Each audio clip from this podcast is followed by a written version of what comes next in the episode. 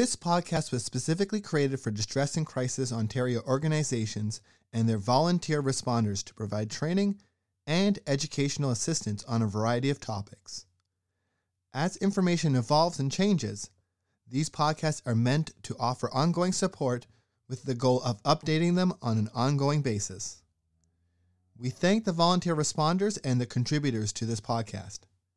Please visit our website, dcontario.org, for more information and how to access free mental health services. Thank you.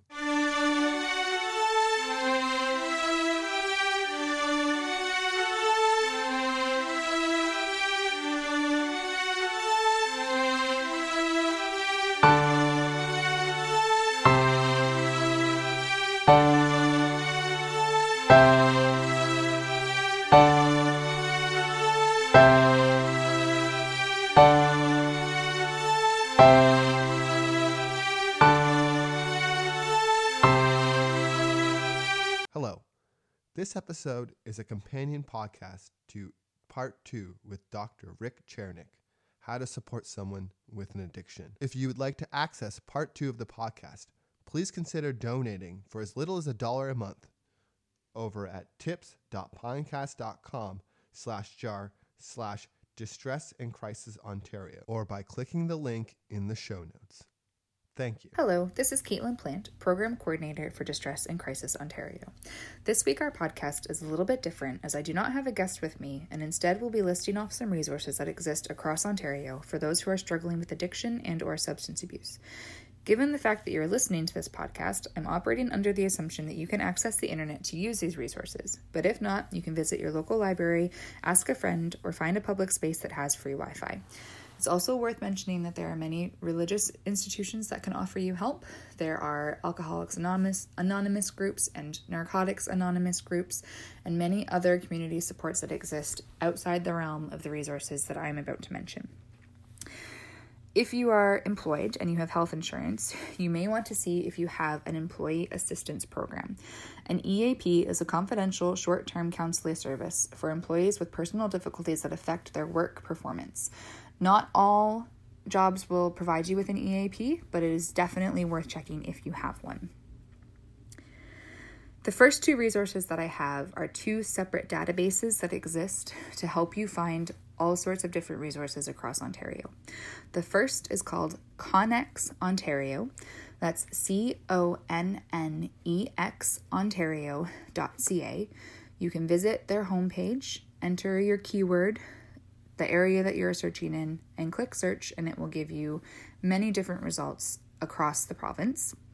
The second is called ementalhealth.ca, and it is the same premise where you can enter a keyword search where you are looking, and it will give you a very extensive list.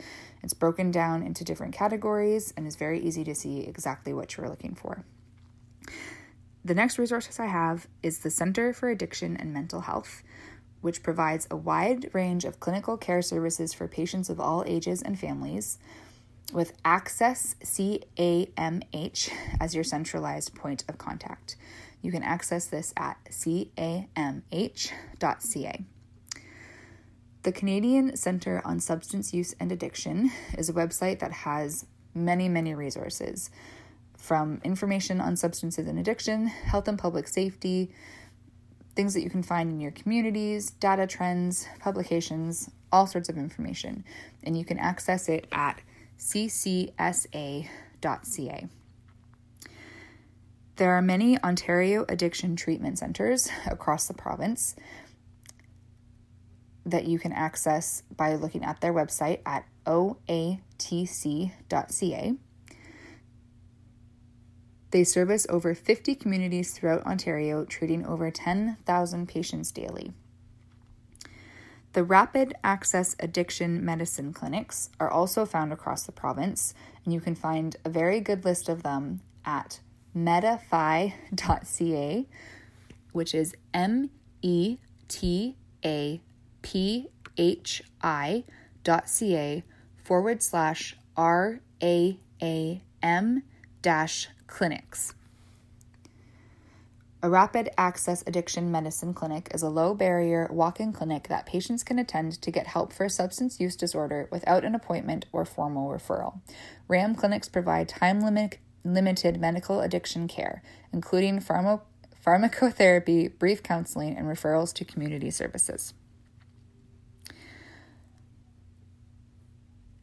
Across Boundaries provides a dynamic range of dignified, inclusive, and compassionate mental health and addiction services and programs for racialized communities across the GTA, and you can access it at acrossboundaries.ca.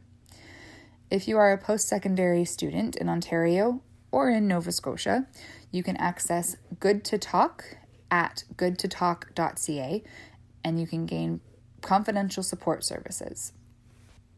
These are just a few of the many resources that exist across Ontario, so please know that help does exist if you're looking for it.